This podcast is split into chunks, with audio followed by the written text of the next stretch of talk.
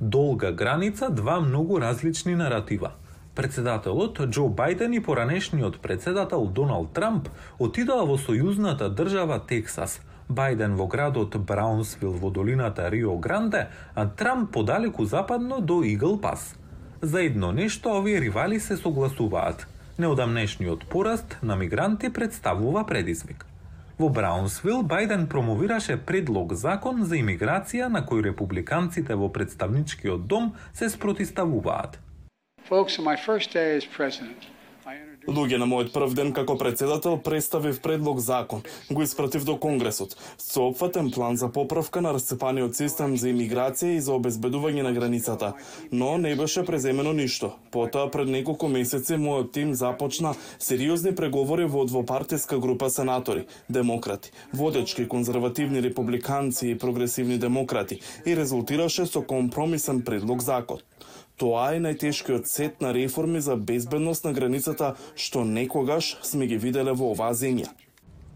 Од друга страна, Трамп ја опиша ситуацијата како војна и рече дека политиката на Бајден дозволува илјадници мигранти, кои тој ги обвини дека извршиле злосторства. Ова е инвазија на Џо Бајден. Ова е инвазија на Бајден во последните три години. Републиканскиот гувернер на Тексас избра да не се сретне со актуелниот председател туку со Трамп. Тој вети дека ќе продолжи со мерките за контрола на границата на државата кои доведоа до правни битки со Вашингтон. Политичките аналитичари во Тексас велат дека неодамнешните анкети покажуваат од имиграцијата ќе биде проблем за демократските гласачи во оваа сојузна држава на председателските избори во ноември.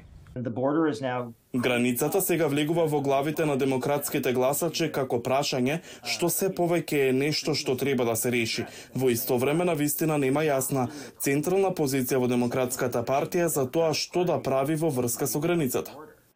Во редок потек, Бајден му се обрати на Трамп на крајот на посетата. So here's what I would say to Mr. Trump. Еве што му рекол на Трамп. Наместо да се играте политика со ова прашање, наместо да им кажувате на членовите на Конгресот да го блокираат овој закон, придружете ми се или јас ке ви се придружам и ке му кажам на Конгресот да го усвои двопартиски закон за безбедност на границата. Можеме да го направиме тоа заедно.